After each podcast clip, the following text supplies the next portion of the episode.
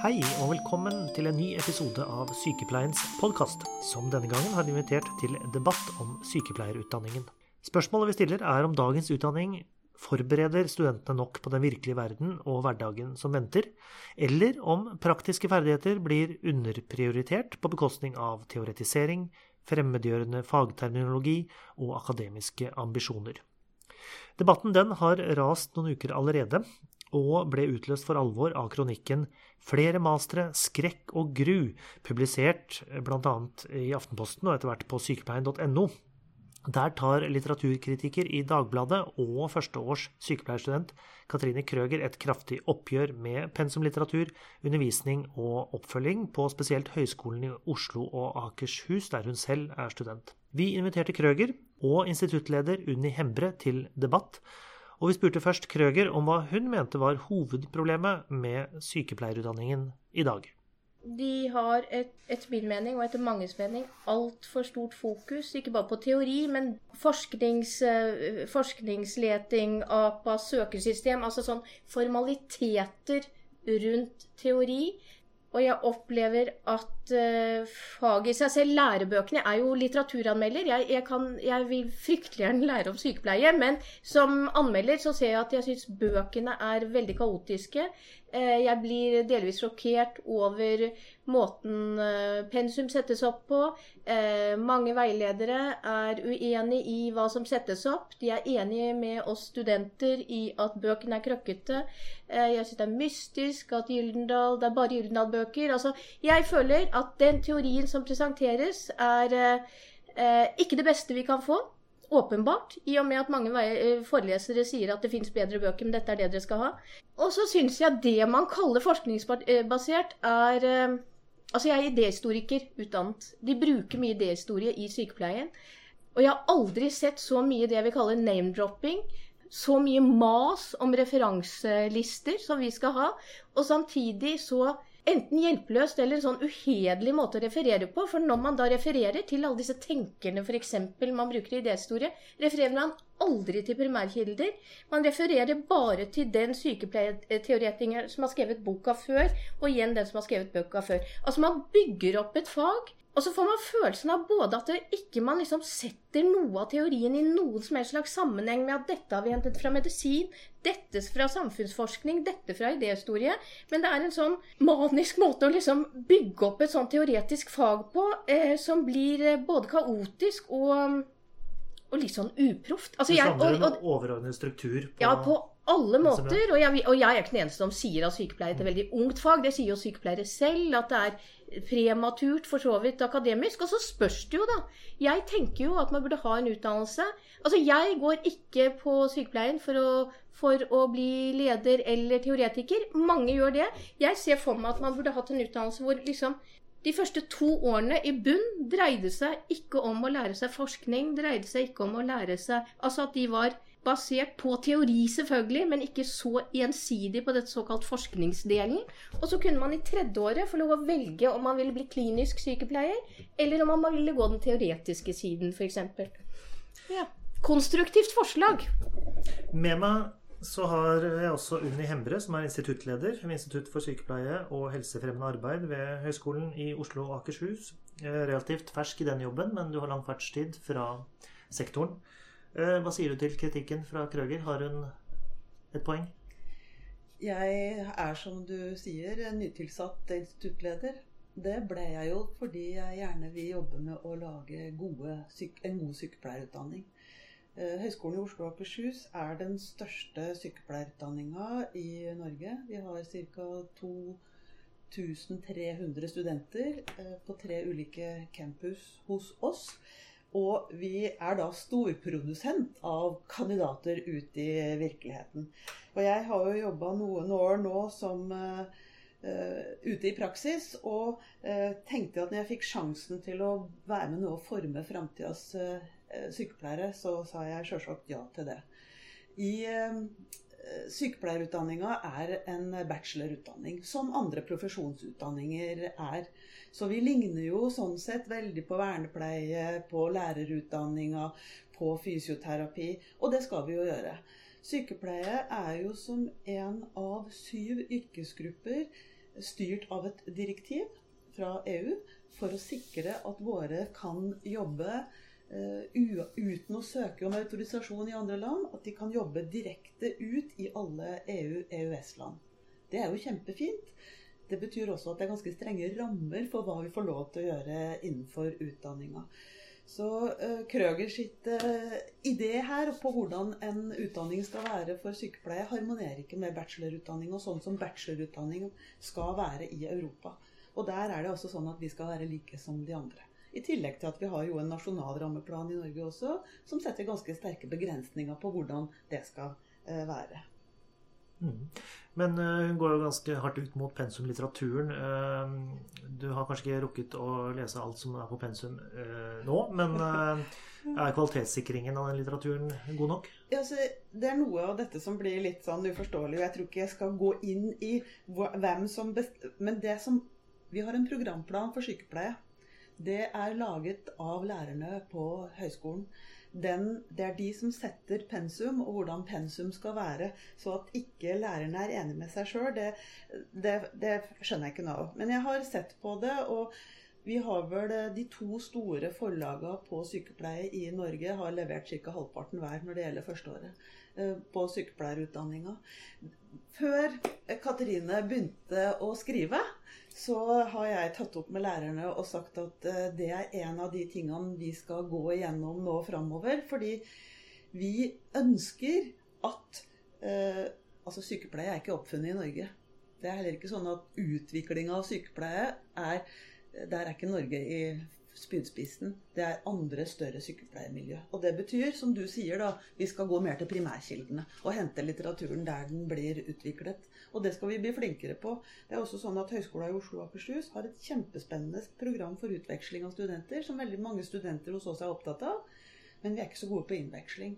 Skal vi ha innveksling av studenter til oss, så må vi klare å gi moduler og semestre på engelsk. Og det skal vi få til. Da må vi ha engelsk litteratur på pensumlista. Sykepleie har blitt en bachelor som mange andre bachelorutdanninger. Og hvorfor blir vi det? Hvorfor er det viktig at uh, dette også er et uh, akademisk fag? Si, Medisin og sykepleie er begge praktiske yrker. Vi skal altså ha praktiske ferdigheter, men våre praktiske ferdigheter skal bunne i solid forskning. Og det er det som ligger i å være et akademisk eh, fag for oss. Eh, og da tenker jeg at eh, skal du ha en bachelor, så er det ganske klare kriterier for hva som skal være i utdanninga for å kunne ha en bachelorutdanning. Der skal sykepleie måle seg med andre bachelorutdanninger. Og Det betyr bl.a. dette bruken av primærkilder og sånt som vi skal bli litt bedre på på høyskolen. Ut fra hva du sier, uten at jeg har gått inn i pensumlistene ennå mange Når du nevner lærerutdanning og fysioterapi, så er det jo akkurat de samme debattene og den samme problematikken. Lærere som får, blir nedlastet i dokumentasjon og teorier, og som er uforberedt når de kommer ut i grunnskolen. Det er identisk problematikk. Og går, da går det ikke an å si at eh, ja, sånn har de det ute i Europa Altså, du må jo liksom, altså, vi trenger, Hvor mange tusen sykepleiere trenger vi her i landet? Eh, vi trenger jo da fryktelig mange kliniske sykepleiere. Vi trenger mange på sykehus. Og det går det jo ikke an å liksom føye det av med som om ikke denne problematikken eksisterer. Den er jo brennhet. De har jo, I Klassekampen så har de jo en serie gående med hvor altså at profesjonsfagene er i ferd med at de mister praksisdelen. Ikke sant? At de blir på en måte at uh, både lærere, sykepleiere, fysioterapeuter blir dårligere til å utøve faget sitt i praksis. Hvis praksisdelen f.eks. Altså, jeg forundrer meg fryktelig over at eh, på skolen der er de beinharde hvis ikke vi følger APA-systemet, hvis ikke vi følger referanserammene. Og der har de helt eget sånt referansesystem som jo er helt absurd, for referansene er jo uredelige. Altså De er jo aldri til primærkildene. Men dette skal vi følge slavisk, så vi blir jo liksom manet inn i et underlig sånn akademisk system når det går på prosedyrer, når det går på om noen sjekker om vi noen gang har lagt inn et kateter når vi går ut av skolen, om at uh, en eller annen uh, veileder hører, ja, altså ser om vi kan sette en sprøyte, det er opp til oss selv. Dette er opp til uh, praksisplasser, og praksisplasser er så mangt. Du kan være ganske uheldig og få praksisplass på bare steder hvor de ikke har medisinsk problematikk. Og så kan du da, ikke bare i teorien, men fa faktisk, og det har, jeg, det har jeg skjønt mer av etter at jeg skrev kronikken, for jeg tenkte det var spissformulert, og jeg får jo melder Nei, det er sånn. Og så tenker jeg, du må jo være Du er sykepleier selv, er ikke du engstelig for det? Skal jeg si en ting? Jeg har jobba nå i virkeligheten dit du skal. Jeg kom akkurat derfra. Det vi trenger der ute, er sykepleiere som gjennom studietiden sin har øva sin evne til å være kritisk tenkende, til å se hva er min ramme, hva er det jeg kan, og hva er det jeg ikke kan. Og det skal du si fra om når du kommer ut. Og så må vi ikke glemme, og det, det syns jeg på en måte du undervurderer litt, at 50% av utdanninga vår er i praksis. Det er ingen andre profesjonsutdanninger som har så mye praksis som sykepleierne. Nettopp for å ta det på alvor at du skal øve. Og så er det sånn at studentene får undervisning, og det er viktig for meg å få sagt, i både eh, hvordan du legger inn et kateter, hvordan du setter sprøyter, hvordan du setter en veneflon i løpet av sin studietid. Og så må man sørge for også sjøl at man får praktisert nok. Vi har øvingsrom stående på skolen hvor studentene får bruke. Men det er jo i gummidingser med sprøyter. Altså for det har man sluttet med. Det får studentene bruke. Det jeg er litt forundra over, og som vi må gå og se på nå, hvorfor brukes de lite? Så har vi simuleringsenheter som er de beste som er å få. Og studentene som har brukt dem, sier at det er den beste måten å lære på. Det er en fantastisk eh, mulighet og en fantastisk evne. Og jeg vet ikke om du har vært der ennå, men det er i hvert fall noe, ja, da. Ja, da. Ja, det er i hvert fall et sted hvor man må bruke mer for å få trent men, mye. Men nå må du høre. Altså, eh, jeg snakker altså, jeg, jeg, ja, ja, men altså, jeg har gått åtte måneder. Jeg har aldri Jeg har debattert i 25 år. Jeg er sikkert et mareritt for dere å få. Jeg, men jeg har aldri noensinne etter en kronikk fått så mange mail fra frustrerte sykepleiere som sier at, at utdannelsen vår er i ferd med å ødelegges. Fra HIAO-studenter som sier endelig er det noen som sier noe. Vi har ikke kunnet si noe. Vi, vi, har prøvd å si noe i så mange år. De hører ikke på oss. Og så er det altså sånn at det under praksis, ikke sant Vi har da 50% som du sier Hovedfokus fra veilederne der ligger i studieoppgaver. Eh, og der er det også sånn Formalitetene skal med. Eh, det ligger i refleksjonslogger. Snakker du om praksisveilederne? Praksisveilederne, Altså fra skolen. Ja, men jeg snakker om praksisveilederne du har ute. Det er de som skal undervise deg her ute. Ja, men du må huske at når vi er i praksis Altså, jeg er på en måte dreven i å skrive. Mange studenter er 19-20 år og kommer rett ut fra videregående. Mm. Vi skal skrive to svære studieoppgaver. Vi skal skrive fem refleksjonslogger. Eh, og det er ikke nok å bare reflektere. og Da må vi ha også disse referansesystemene inne. Selv der må vi fokusere på kommunikasjon, bygget på en uh, kommunikasjon i relasjoner av Eide og Eide, som er en bok som har Den er den eneste som er gjenbrukt nå 10 000 ganger, riktignok med revideringer, så vi må kjøpe ny hele tiden. Eh, på omsorgsbok, som er ganske umulig å lese, for å si det rett ut. Altså på synsebøker. Vår første oppgave, vår første første dag eller første obligatoriske samling. For det eneste obligatoriske på den skolen er jo disse oppgaveskrivningene og lære å forskne, forske, eller forskningsbasert kunnskap. Det var altså Definer særtrekk ved behov. Særtrekk, hva betyr det? Definer særtrekk ved behov. Så spurte jeg hva er særtrekk? Er det en egenskap? Nei, nei, nei, det for så vidt ikke. Ja. Eh, skjønte, jeg skjønte jo etterpå at behov liksom var et sånt spesielt sykepleie, altså grunnleggende behov og fenomenbehov og sånn. Men definer særtrekk ved behov. Og, og, det vi skulle svare, var enda mer kløkkete og komplisert. Og én ting er at jeg som har jobbet med språk 25 år, skjønte ingen, jeg skjønte ikke hva de mente.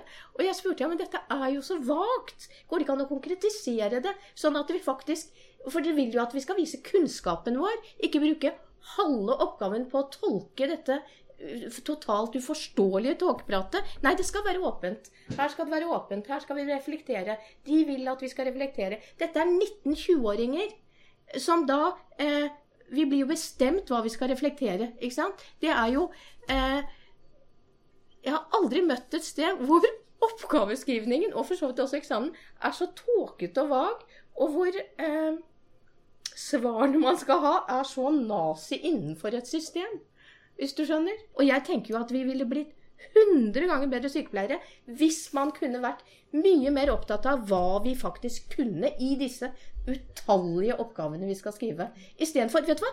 Jeg tenker nå lærer vi oss et språk som ligger helt utenpå oss, og så kopierer vi det over i oppgaven, og så er det ingen som engang sjekker om vi kan det. Altså, om, det liksom, altså Fordi det er ingen som sjekker Hadde vi enda kunnet bruke våre egne ord, men vi skal jo bruke disse ordene som er eliminere og oppleve og fenomen. Altså, men, men du tok den litt i artikkelen din også, i mm. dette med fagterminologi. Ja. Alle, alle eh, profesjoner har mm. et fagspråk, og fagspråket bruker vi når vi snakker oss imellom, eller når vi snakker til andre, andre som jobber i helsesektoren. Da skal vi bruke det for å være presis. Men hvorfor det? Hvorfor for å forstå hverandre? Ja men, ja, men, for å forstå hverandre. Altså, vi ville forstått hverandre hvis vi brukte norske, greie ord på eliminere, oppleve Jo, hør på meg. Men, men det vi skal gjøre, vi skal lære et annet språk. Og så skal vi snakke på fagspråket for å forstå hverandre. Og så skal vi oversette det tilbake. Og du er jo enig, og jeg er jo ikke den eneste som sier språk er fremmedgjørende. Nå har man kjempet mot eh, leger i 100 år som snakker latin. Og skal sykepleiere liksom bli fine, de også? Alle og så lære seg egen fagterminologi. Ja. Men da syns jeg sykepleiere kan være kloke nok til å tenke der er der kan vi gjøre noe annet. Det som er viktig for sykepleierutdanninga å utdanne, er kritiske sykepleiere med evne til å se egne begrensninger, som vil være i stand til å møte framtidas utfordringer. Dit er jo bare, bare si litt, det, politisk snikksnakk. Unnskyld at du sier det. Dette er jo den teknologien hun eh, eh, opererer i i dag, i sitt første år som sykepleier, eh, er ikke sikkert er der om tre år. Og det er virkeligheten.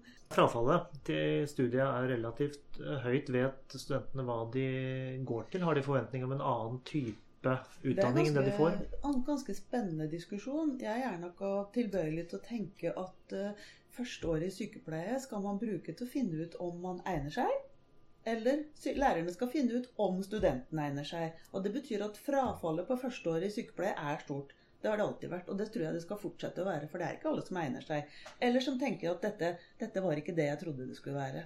Så Sa du nå at frafallet skal være stort førsteåret? Bør ikke studentene som søker seg til faget, vite hva de går til i utgangspunktet? Ja, men det gjør de ikke.